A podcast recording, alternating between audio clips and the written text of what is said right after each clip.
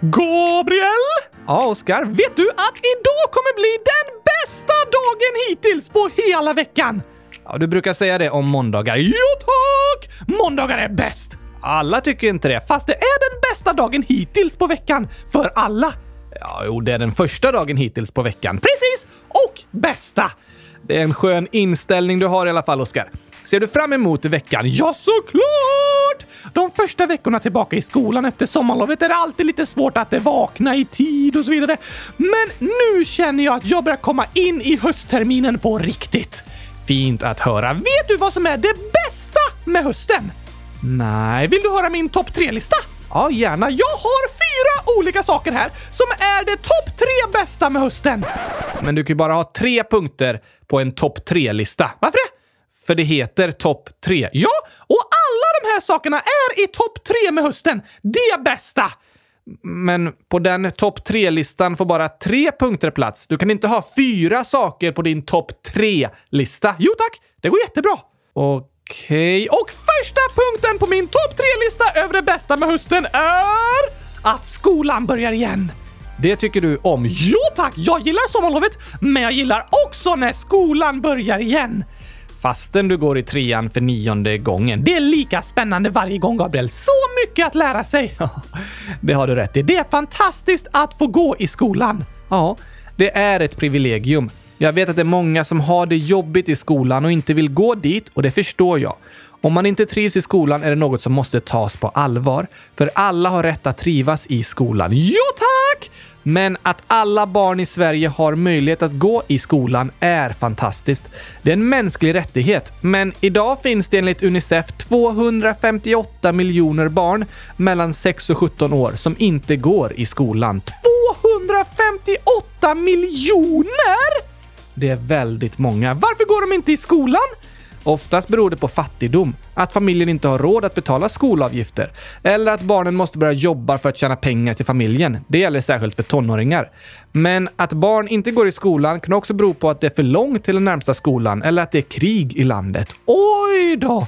Så även om skolan i Sverige tyvärr inte är perfekt så är det fantastiskt att alla barn i Sverige får möjlighet att börja skolan igen efter sommarlovet. Ja, tack! Det är därför det är med på min topp tre-lista över de bästa sakerna med hösten. Det förstår jag.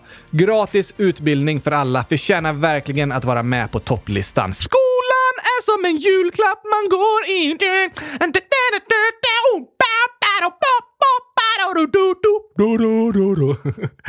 Det sjunger du i sången hashtag back to skolan. Precis, visst var det snyggt? Supersnyggt, Oskar. Den andra punkten på min topp tre-lista är... Gurkorna är mogna. Såklart. Det var med på din topplista över det bästa med sommaren också. Jo tack! Det går att skörda gurkor under hela sommaren och början av hösten typ. Sant. Och vi har många lyssnare som skriver och berättar om sina fantastiska gurkaskördar. Det bästa med hösten. Början av hösten i alla fall. Tredje grejen på topp tre är... Löven faller av. Är det något eh, bra? Jo tack! Jag trodde du gillade när allting var gurkagrönt utomhus. Såklart! Jag älskar när löven är gurkagröna, men nu på hösten är de ju typ honungsgula och tomatröda och då är det lika bra att de faller av. Jaha, alltså jag tycker det är jättevackert när löven ändrar färg. Nja, inte lika vackert som när de är gurkagröna. Okej, nej det är också fint. Vi tycker lite olika där, Oskar. Fjärde saken på topp tre! Det får inte plats fyra saker på topp tre, Oskar. Jo tack! De får trängas lite, men det är inga problem. Alla får plats! Okej. Okay. Vad är den fjärde grejen som är det bästa med hösten då? Det är... Hej! Fjärde saken. En, två, tre, fyra...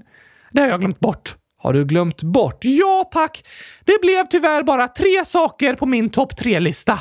Tyvärr, det ska ju bara vara tre saker på en topp tre-lista. Jag önskar att det var hundratusen saker på topp tre-listan. Då skulle den vara riktigt bra. Okej, okay, men jag vet! Ni lyssnare kan skriva vad ni tycker är det bästa med hösten. Ja, Bra idé, Oskar. Då kanske vi kommer upp i hundratusen saker. Eh, jag vet inte riktigt, eh, men du som lyssnar får gärna skriva i frågelådan vad du tycker är det bästa med hösten. Ibland, om man känner sig lite ledsen över något, till exempel att det är höst, då är det bra att tänka på ja, men vad tycker jag är bra med det här då? Det är väldigt smart, Oskar. Ofta mår man bättre av att fokusera på det man ser fram emot istället för att tänka på det som känns jobbigt. Om det känns tråkigt att börja skolan och få läxor och så igen kan man försöka tänka på vad som är det bästa med skolan istället för det man tycker är det värsta. Ja, på morgonen kan man fundera på vad ser jag fram emot idag? Och på kvällen kan man reflektera över vad har varit det bästa idag?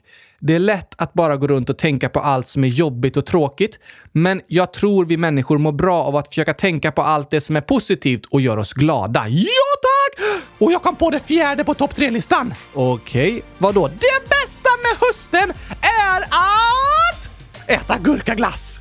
Men det gör du ju varje dag, året runt. Precis! Och det det bästa! Varje dag, året runt! Det är fantastiskt, Gabriel! Okej, okay, när jag vaknar på morgonen tänker jag idag ser jag fram emot att få äta gurkaglass. Och när jag somnar på kvällen tänker jag idag var det underbart att få äta gurkaglass. Då är jag alltid lycklig, Gabriel. Ja, vad fint att höra, Oskar.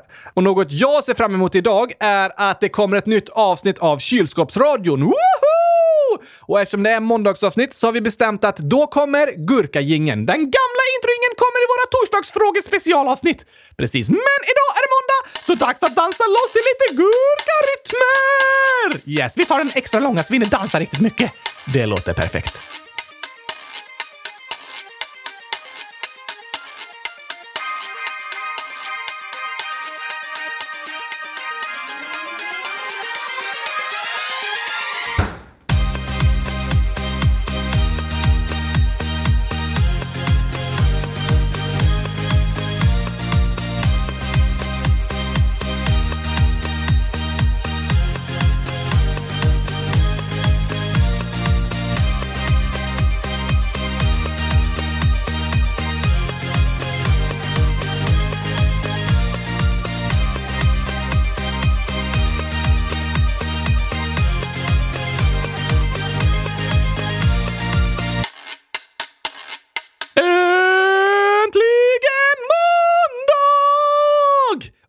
Äntligen avsnitt 100 214 av Kylskåpsradion. Och äntligen höst med skola, vänner, gurkaglass och tomatfärgade löv som faller till marken.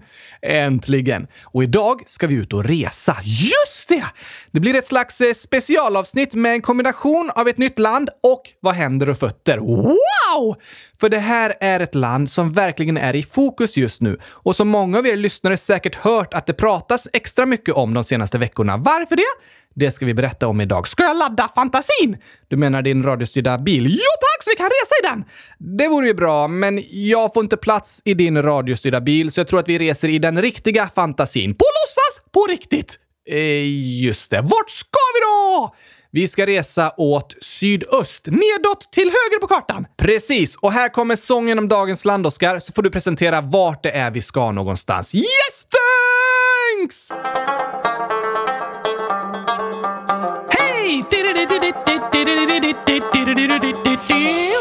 Åker mot sydöst till land som söker tröst efter långa år och skapat djupa sår. Granne till Iran och en annan stan finner vi dagens land med en natur så grann. Kommer till höga berg som i landet färg och bland blommor och blad går en snöleopard. En öken i söder med termometer som blöder och i en hög dal ligger dess huvudstad.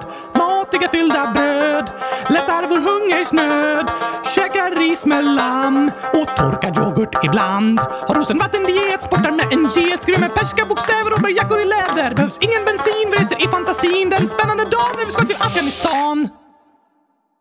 Det här blir spännande, Gabriel! Eller hur? Och i torsdags då läste vi upp några ledtrådar om dagens land och det är flera lyssnare som redan hunnit gissa och skriva i frågelådan. Oj, oj, oj! Jona, Elvor skriver “Hej kylskåpsradion! Jag vet att ni kommer prata om Afghanistan utan att läsa på.” Och Jona skriver igen “Hej! Perfekt med vad händer och fötter. Det hoppas jag också och bra gissat! Alva, 9 år, skriver “Argentina har ni pratat om. Jag kan hur mycket fakta som helst om Argentina. Och är det här rätt lands flagga? Annars skrev jag fel flagga. Jag vet vilket land. Talibanerna invaderade dem, så det är mycket krig där. Det ska vi prata om idag. Det kommer vi göra. Sen skriver Anonym “Jag tror ni ska prata om Albanien. Det var nära! Ja, de namnen är ganska lika. Lullu, 12 år, skriver “Nästa land ni ska prata om är Afghanistan”. Bye! Och Ester, 8 år, skriver “Jag tror att landet ni ska prata om är Afghanistan. Älskar eran podd”. Natanel, 100 011 år, skriver “Jag vet att ni kommer prata om Afghanistan på måndag”. Noah, 11 år, skriver “Ni ska prata om Afghanistan” och Meja, 10 år, skriver “Jag tror att landet ni ska prata om är Afghanistan. PS. Jag älskar hästar och gurka”. Och Noah, 1x10 uppe till 64 år, skriver “Jag tror att ni kommer prata om Afghanistan på måndag. PS. Jag vill att ni ska prata om alla stanländerna. Ska vi till stan? Nej, eller vi ska ju prata om städer i Afghanistan. Är det därför det heter stan? För att det finns städer i landet? Nej, det finns sju länder i Asien som slutar på ordet stan. Vilka då? Det är Afghanistan, Kazakstan, Kirgizistan, Pakistan, Tadzjikistan, Turkmenistan och Uzbekistan. Vad betyder det då? På persiska betyder stan plats och det har en liknande betydelse på andra språk i området. Aha! Så de länderna har fått sitt namn efter en etnisk folkgrupp som bor på platsen, till exempel afghanerna i Afghanistan eller kirgiserna i Kirgizistan. Okej, okay. så det är namnet på folkgruppen plus ordet stan som blir namnet på landet. Hur långt bort ligger Afghanistan? Mellan södra Sverige och Afghanistans huvudstad Kabul är det 450 mil. Hur lång tid tar det att köra? Oj, det är svårt att säga. Om man kör eh, 10 timmar om dagen skulle det ta ungefär 8 dagar. Fast det är lättare sagt än gjort att resa från Afghanistan till Sverige och de flesta som har gjort den resan har tagit en mycket längre och snårigare väg än så. Okej! Okay. Men ska vi börja med lite snabba fakta om Afghanistan? Ja tack! Vi tar våra tio snabba, jag menar eh, 12 långsamma, jag menar hundratusen mittemellan speedfrågor. de tar vi. Språk! Det finns två officiella språk i Afghanistan. De heter dari och pashto. Men det finns många mindre språk också, så det är vanligt att människor som bor i Afghanistan talar minst två språk. Coolt! Eller hur? Dari är det största språket i landet. Det beräknas att ungefär tre fjärdedelar av befolkningen kan prata det, även om alla de inte har det som modersmål. Är det likt svenska? Nej, men väldigt likt persiska, som är ett stort språk i området och talas i bland annat Iran. Vissa kallar dari för en slags dialekt av persiska. Är det samma slags alfabet som vi använder i svenska? Nej, på dari används det persiska alfabetet. Aha! Det har 32 olika bokstäver. 28 är samma som i det arabiska alfabetet, men det persiska alfabetet har fyra bokstäver till. Och en stor skillnad när det kommer till skrift är att på dari och persiska så läser man från höger till vänster. Oj! Så på dari heter gurkaglass salgakrug? Nej, du läser inte de svenska orden baklänges, utan bokstäverna i orden skrivs i ordning från höger till vänster och så läser du från höger till vänster. Aha!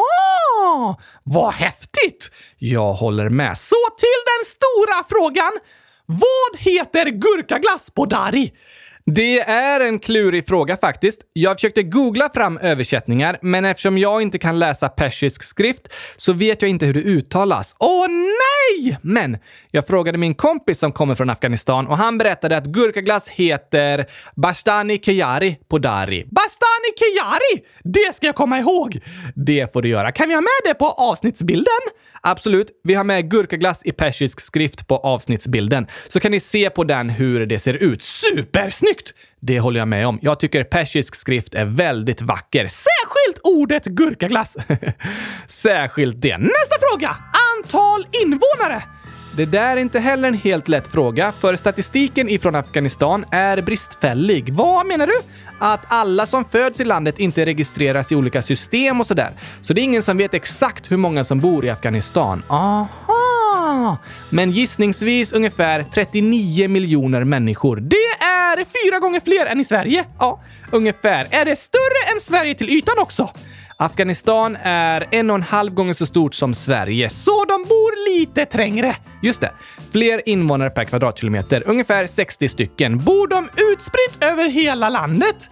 Um, ganska utspritt, men det finns delar där det bor jättemånga människor och andra där det nästan inte bor några alls. Flest människor bor i norra och östra delen. Där ligger huvudstaden Kabul och andra stora städer. I mitten av landet, där är det en hög bergskedja. Va? Så de större städerna ligger liksom runt den. Hur högt är det högsta berget i Afghanistan? Det heter Novchak och är 7485 meter högt. Wow! Det är ett av världens högsta berg och ligger i nordöstra Afghanistan. Men hela landet ligger på ganska hög höjd, ofta flera tusen meter över havet. Huvudstaden Kabul till exempel ligger i en smal dalgång, men fortfarande på 1791 meters höjd. Oj! Hur högt är Sveriges högsta berg? 2100 meter över havet. Så hela huvudstaden i Afghanistan ligger på nästan lika hög höjd som Sveriges högsta berg. Ja, så är det. Då ligger landet verkligen i bergen. Det gör det. Hur många bor det i huvudstaden Kabul? Kabul är den överlägset största staden i Afghanistan med över 4 miljoner invånare. Det är många! Jättemånga. Så det är som en superstor stad uppe bland bergen. Det kan man säga, ja. Häftigt! Eller hur?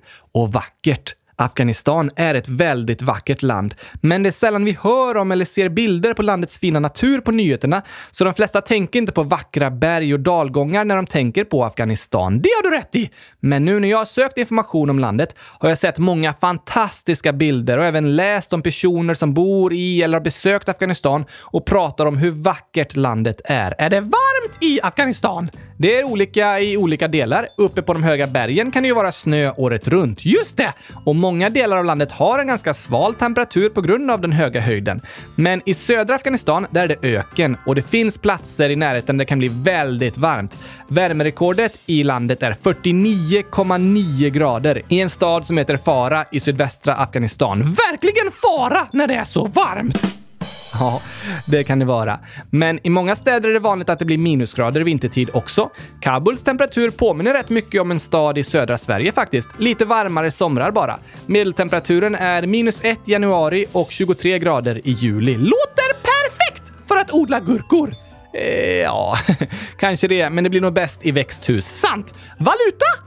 Pengarna kallas afghani och i dagens växlingskurs går det ungefär 10 afghani på en krona. Men valutans värde har sjunkit en hel del de senaste veckorna. Värdet på en valuta förändras väldigt mycket när det är oroligheter i ett land. Aha! Och hur ser flaggan ut? Den har tre vertikala streck. Till vänster ett svart streck, i mitten ett rött och till höger ett grönt. Och ovanpå strecken är det ett vitt emblem. Det är Afghanistans statsvapen. Vad föreställer det? I mitten är det en moské och det är... Det är som en kyrka, fast inom religionen islam. Ah, en plats där man träffas och ber till Gud. Precis. Är islam en vanlig religion i Afghanistan? Ja. Väldigt. Det beräknas att 99% av befolkningen är muslimer. Det är nästan alla! Det är det. Men sen kan man vara muslim på olika sätt. För det första finns det olika inriktningar inom islam och dessutom har varje person sin egen relation till religion. För vissa är det mest en kultur som påverkar traditioner och värderingar. För andra är tron på Gud väldigt viktig. Det är detsamma inom kristendomen. Alla som kallar sig kristna är inte det på samma sätt. Det har du rätt i! Men islam är den största religionen i landet och det är därför det är en moské på flaggan. Precis, men den flaggan har bytts ut nu eftersom talibanerna har tagit över styret i Afghanistan och de har en annan flagga. Oj då! Vi ska snart ta och berätta lite mer om det politiska läget och kriget i Afghanistan. Men först är det dags för dagens skämt!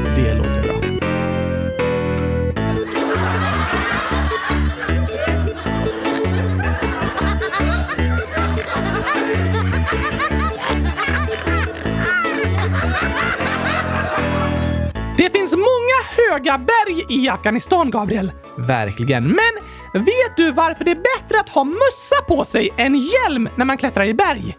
Oj, um, är det ett uh, skämt? Ja tack! En uh, Norgevits som har blivit en Oscarvits! Ja, just det. Jag känner igen det här. Varför skulle det vara bättre? Gäller när man cyklar också. Är det bättre med mössa? Alltså, nej, nej, det kan det inte vara. Jag vet inte, Oscar. För jag gick upp på taket på ett högt hus och så kastade jag ner en mössa och en cykelhjälm. Aha. Och hjälmen gick sönder, men mössan gick inte sönder. Såklart. Därför måste det vara mycket säkrare att ha en mössa på sig än en hjälm. Nej, nej, nej, nej, nej, nej, nej. En mössa är mjuk och skyddar inte huvudet om man ramlar. Men den går i alla fall inte sönder! Nej, det gör den inte, men den skyddar ingenting. Hjälmen skyddar om du ramlar. Okej Okej, en hjälm kan spricka som du säger. Det är liksom meningen att den ska göra det. Ska hjälmen gå sönder? Ja, om du ramlar med cykeln och slår i huvudet i marken, då kan hjälmen spricka inuti för att skydda dig. Aha! Hjälmen går sönder istället för att huvudet går sönder. Precis. Därför ska man vara väldigt försiktig så att man inte tappar en hjälm i marken när man bär den. För den är ganska ömtålig. Måste man köpa en ny hjälm om man råkar tappa den i marken?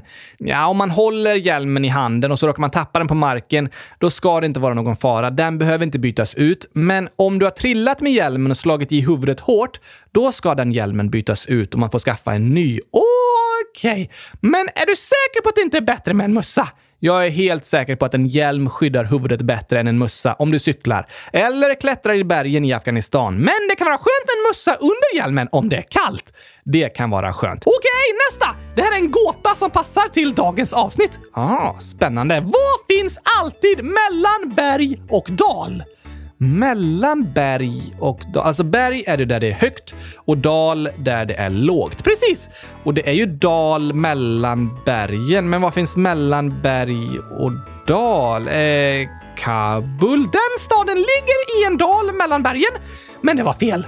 Okej, eh, okay, backar, lite trä... Nej, jag vet inte. Och? Och vad? Och? Vad? Svaret är och. Och? Ja! Och finns alltid mellan berg och dal. Ah, mellan orden berg och dal. Ja, tack! Den var klurig, Oskar. Hashtag klurifaxkungen levererar igen! Det får jag säga. Men hur är det att vara högst upp på ett berg? Hur det känns liksom? Yes! Ehm, vackert? Nej tack! Hur är det uppe på ett berg då? Toppen!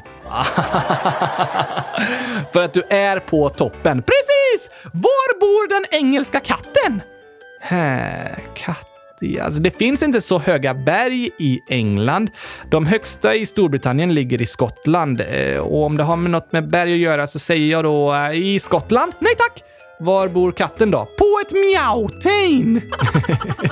Meowtain. På engelska heter berg mountain. Just det, det låter som en katt som säger miau. Meowtain! Vad heter världens smartaste berg? Oj, nej, jag vet inte. Mount Cleverest. Aha, det var också en engelsk ordvits. Yes thanks! Clever betyder smart. Så är det och Mount Everest är världens högsta berg. Men Mount Cleverest är det smartaste. Det låter som. Jag känner mig nästan som en engelska lärare. Faktiskt. Och vet du varför det är bra att gå i skolan på ett berg? Nej, för då får man högre betyg. Okej, okay. men handla aldrig några butiker uppe i bergen. För att där är det för höga priser. Ja, tack! Den var bra, Oskar. Alltså, berg är verkligen roliga. Det hade jag ingen aning om tidigare, men nu får jag faktiskt hålla med dig. Ska vi ta en sång nu? Det tycker jag vi kan göra. Ska vi ta den du sjöng lite på i början av avsnittet? Eh, gurkaglass är bäst i test? Finns det en sån sång? Det tror jag inte, men det borde det göra! Okej, okay. men jag menade hashtag back to skolan. Just det, den pratar vi om! Nu är hösten här och en av de fyra punkterna på min topp tre-lista över det bästa med hösten är att skolan börjar igen. Fint att höra, Oskar. För skolan är som en julklapp man går i!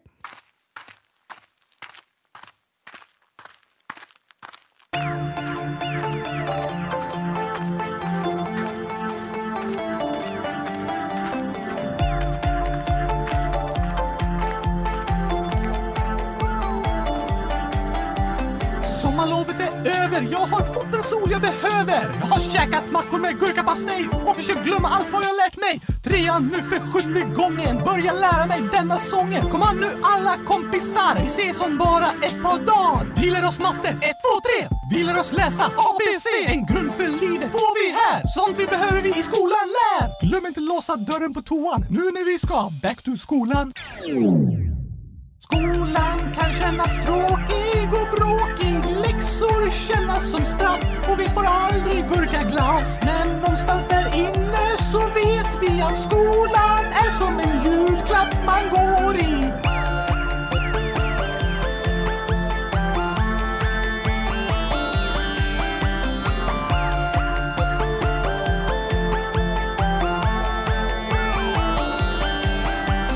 Nu ska hösten regna bort nederbörd av all dess sort. Blöta vi till skolan kommer kan känna sig som värsta fången. Men även om jag ej var tvungen hade jag varit första ungen utanför vår klassrumsdörr. Jag vet att det är bättre än förr. Skolblitsen 62, täck för allt vi i skolan får.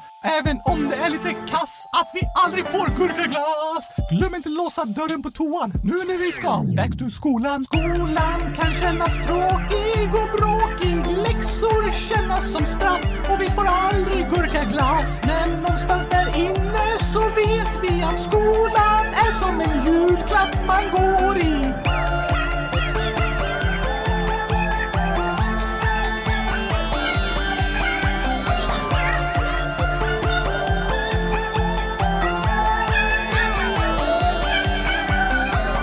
Det kan vara pinsamt att glömma låsa dörren, Gabriel, när man ska hashtag kissa. det kan det vara. Eller hashtag bajsa. Det kan vara pinsamt att säga hashtag på lite fel ställen också. Hashtag whoops, hashtag fail, hashtag sluta säga hashtag, hashtag okej. Skolan kan kännas tråkig och bråkig. Läxor kännas som straff och vi får aldrig gurkaglass. Men någonstans där inne så vet vi att skolan är som en julklapp man går i.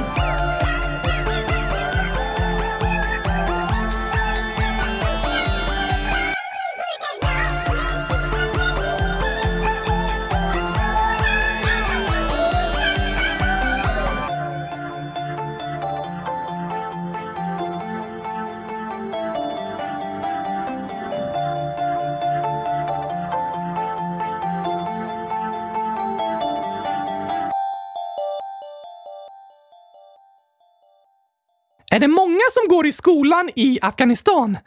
Tyvärr är Afghanistan ett land som är väldigt långt ner på många listor när det kommer till utveckling, skolgång, ekonomiska förutsättningar och så. Oj då! Afghanistan är Asiens fattigaste land och förra året var det världens dödligaste land för civila och det land i världen som var mest utsatt för terrorism. Så det var ett ganska farligt land? Ja, det var det förra året och de senaste månaderna har det blivit ännu värre. Men något de har mycket av i Afghanistan är unga människor. 70 procent av hela befolkningen är under 25 år. Det är många!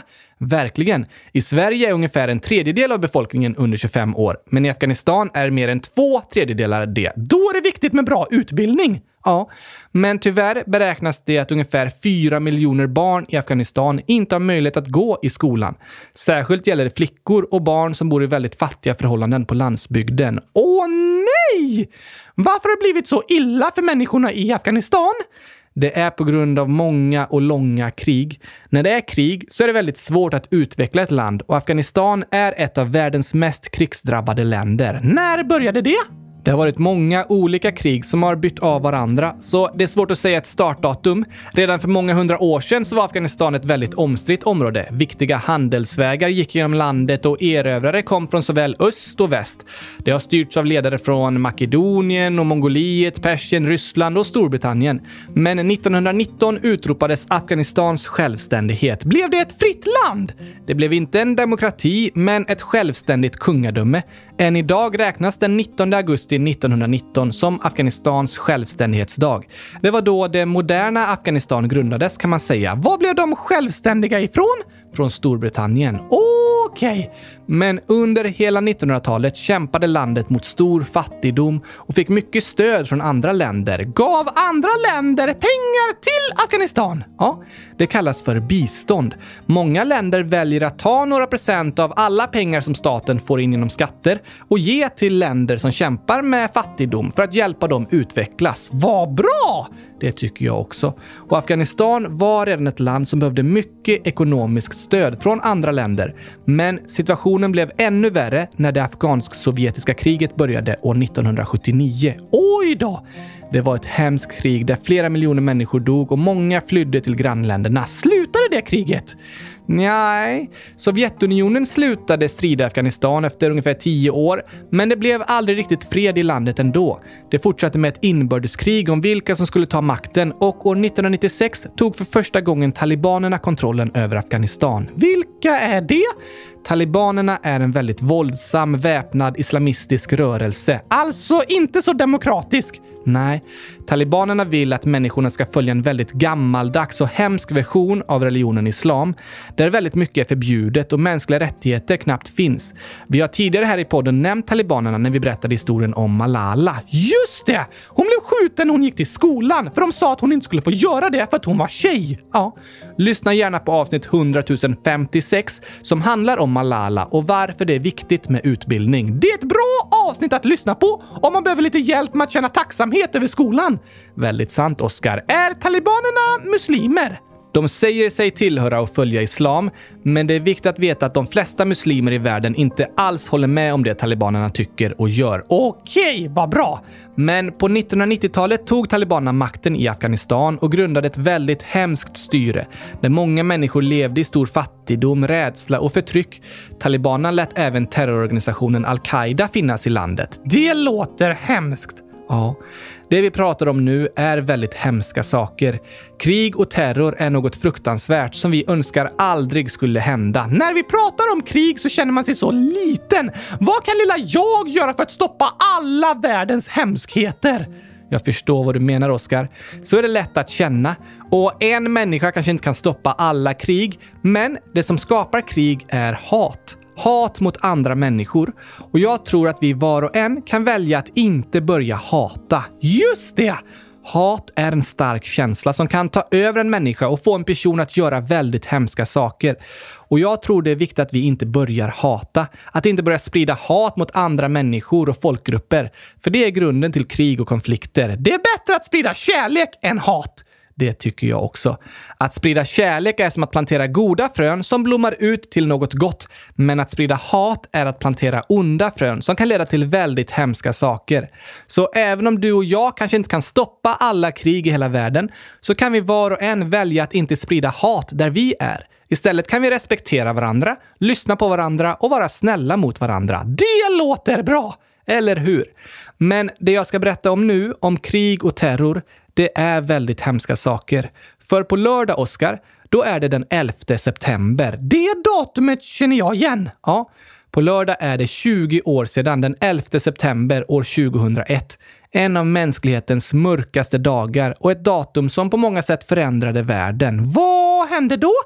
I staden New York i USA fanns det två höga torn som hette World Trade Center. Hur höga var de? När de byggdes på 1970-talet var det världens högsta byggnader. De hade 415 meter upp till taket. Wow! Men på det ena taket byggdes även en hög mast som gick upp till 526 meter. Det är väldigt, väldigt högt otroligt högt. De var världens högsta byggnader under flera år och fram till 2001 de högsta husen i New York. Vad hände då? Kvart i nio på morgonen den 11 september flög ett flygplan in i det norra tornet och en kvart senare flög ett annat flygplan in i det södra tornet. Var det en olycka? Nej, det var ett terrorattentat. Flygplanen hade kapats av terrorister som styrde dem rakt in i World Trade Center. Oj då! Två flygplan till hade kapats. Ett flög in i försvarshögkvarteret Pentagon och det fjärde störtade på ett fält. Var det många människor som dog? Ja, nästan 3000 människor dog i det som är historiens dödligaste terrorattentat. Efter att husen hade träffats av flygplanen så brann det ena i en timme och det andra i nästan två timmar innan de rasade samman. Under de timmar som tornen brann stod USA och hela världen still. Miljoner människor såg tv-bilderna live. Själv var jag åtta år när det hände och jag minns hur jag stod i chock hemma och såg sändningen från New York. Det är ett av mina starkaste minnen från när jag var barn. Vilken fruktansvärd dag! Ja, det var en av de hemskaste dagarna i mänsklighetens historia. Terrorism betyder att skapa skräck och rädsla och terrorattentatet den 11 september hade skapat skräck i en hel värld. På lördag är det 20 år sedan och antagligen kommer det pratas väldigt mycket om attentatet då. Är det därför vi pratar om det i dagens avsnitt? Bland annat, men också för att det hör ihop väldigt mycket med dagens avsnitt om Afghanistan. Varför det?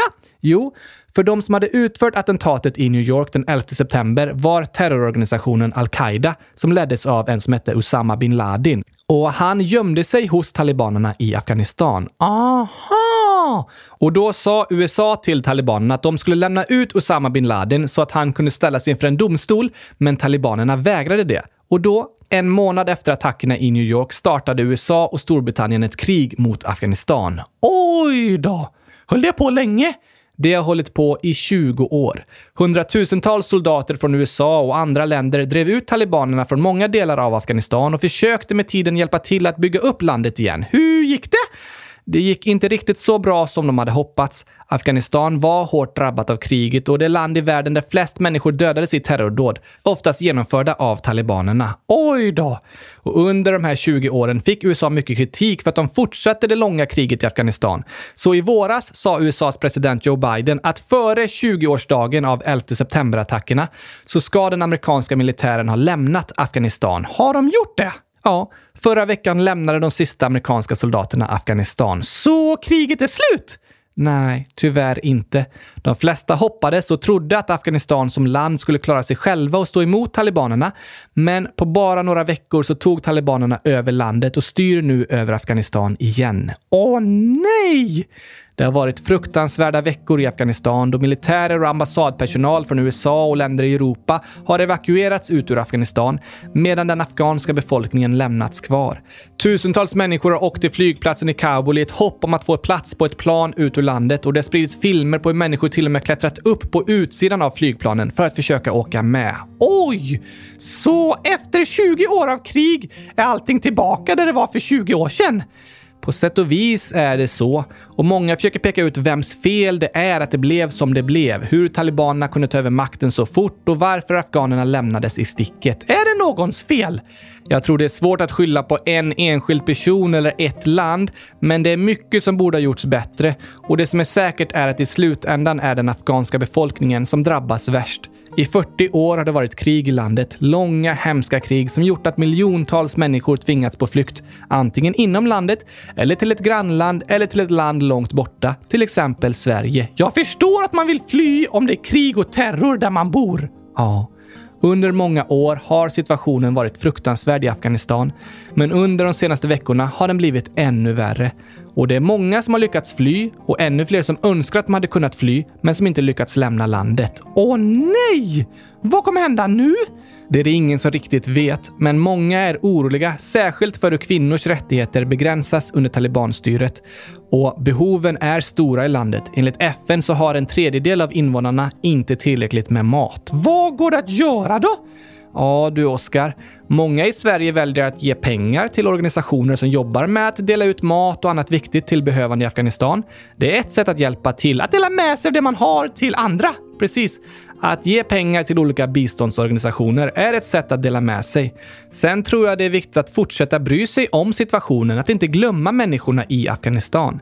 När vi lär oss om vad som händer på andra platser så ökar vår medmänsklighet och det kan hjälpa oss behandla andra människor bättre. Till exempel när vi möter flyktingar som kommer till vårt land. Det har du rätt i! I Afghanistan har det varit olika krig i över 40 år. Och finns det något vi kan lära oss av den situationen så är det att krig inte har några vinnare, bara väldigt många förlorare. Och de som har förlorat mest är den afghanska befolkningen. Oskyldiga människor där många levt hela sina liv i ett krigsdrabbat land. Oj! Och när vi i Sverige pratar om flyktingar och invandring så finns det många som pratar om det på ganska respektlösa sätt. Men jag tror det är viktigt att förstå varför människor tvingats på flykt. Och allt som oftast är det oskyldiga människor som drabbats av krig och katastrofer och därför tvingats lämna sina hem. Jag är i alla fall väldigt tacksam över att få bo i ett land som människor väljer att fly till, inte ett land som människor flyr ifrån. Det är verkligen något att vara tacksam för, Oskar. Jag tror vi kan.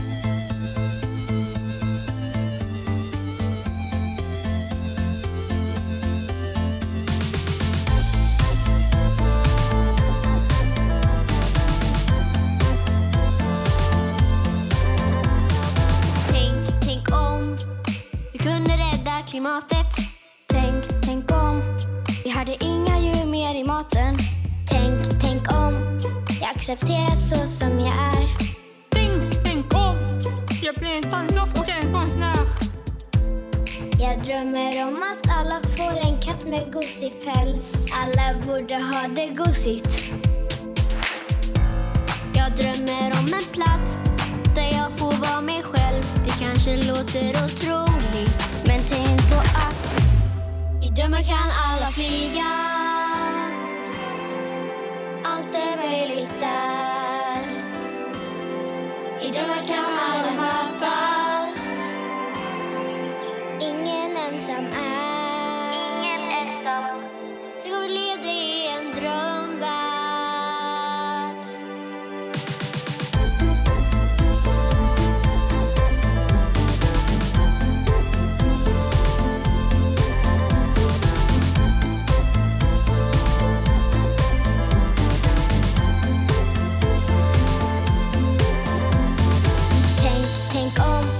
skriva böcker människor vill läsa.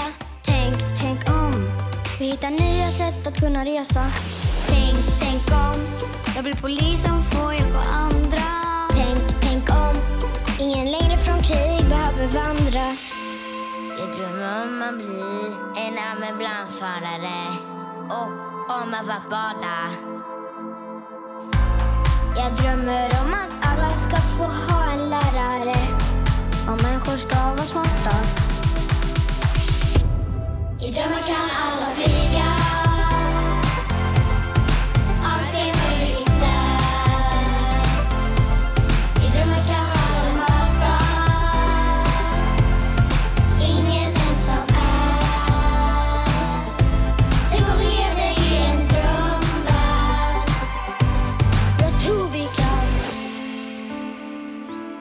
Även om man ser ut på ett speciellt sätt så är man ju lika mycket värd. Det är trappor ner till gympasalen. Det tycker jag är lite dåligt. Ja, jag är vegetarian. För att jag tycker synd om djuren. Det är som att de inte har tänkt på så här, ja men här börjar vi med rullstol liksom. Jag älskar att dansa. Man får röra på sig och man släpper tankarna och ja, allt. Man får inte sig lika mycket lön som killar. Om man inte tänker på klimatet så tänker man inte på oss själva. För det är ju farligt för oss också. Och alla är ju ändå innerst inne ganska lika. Två dagar i veckan borde vi typ äta lite mer grönsaker istället för kött. Det är jättemycket krig och så just där de bor. Så kanske de kommer till exempel till Sverige och så säger de att de inte kan komma in i landet när det är barnets bästa. Lagar är liksom till för att följas, men eh, det blir inte alls så. I drömmar kan alla flyga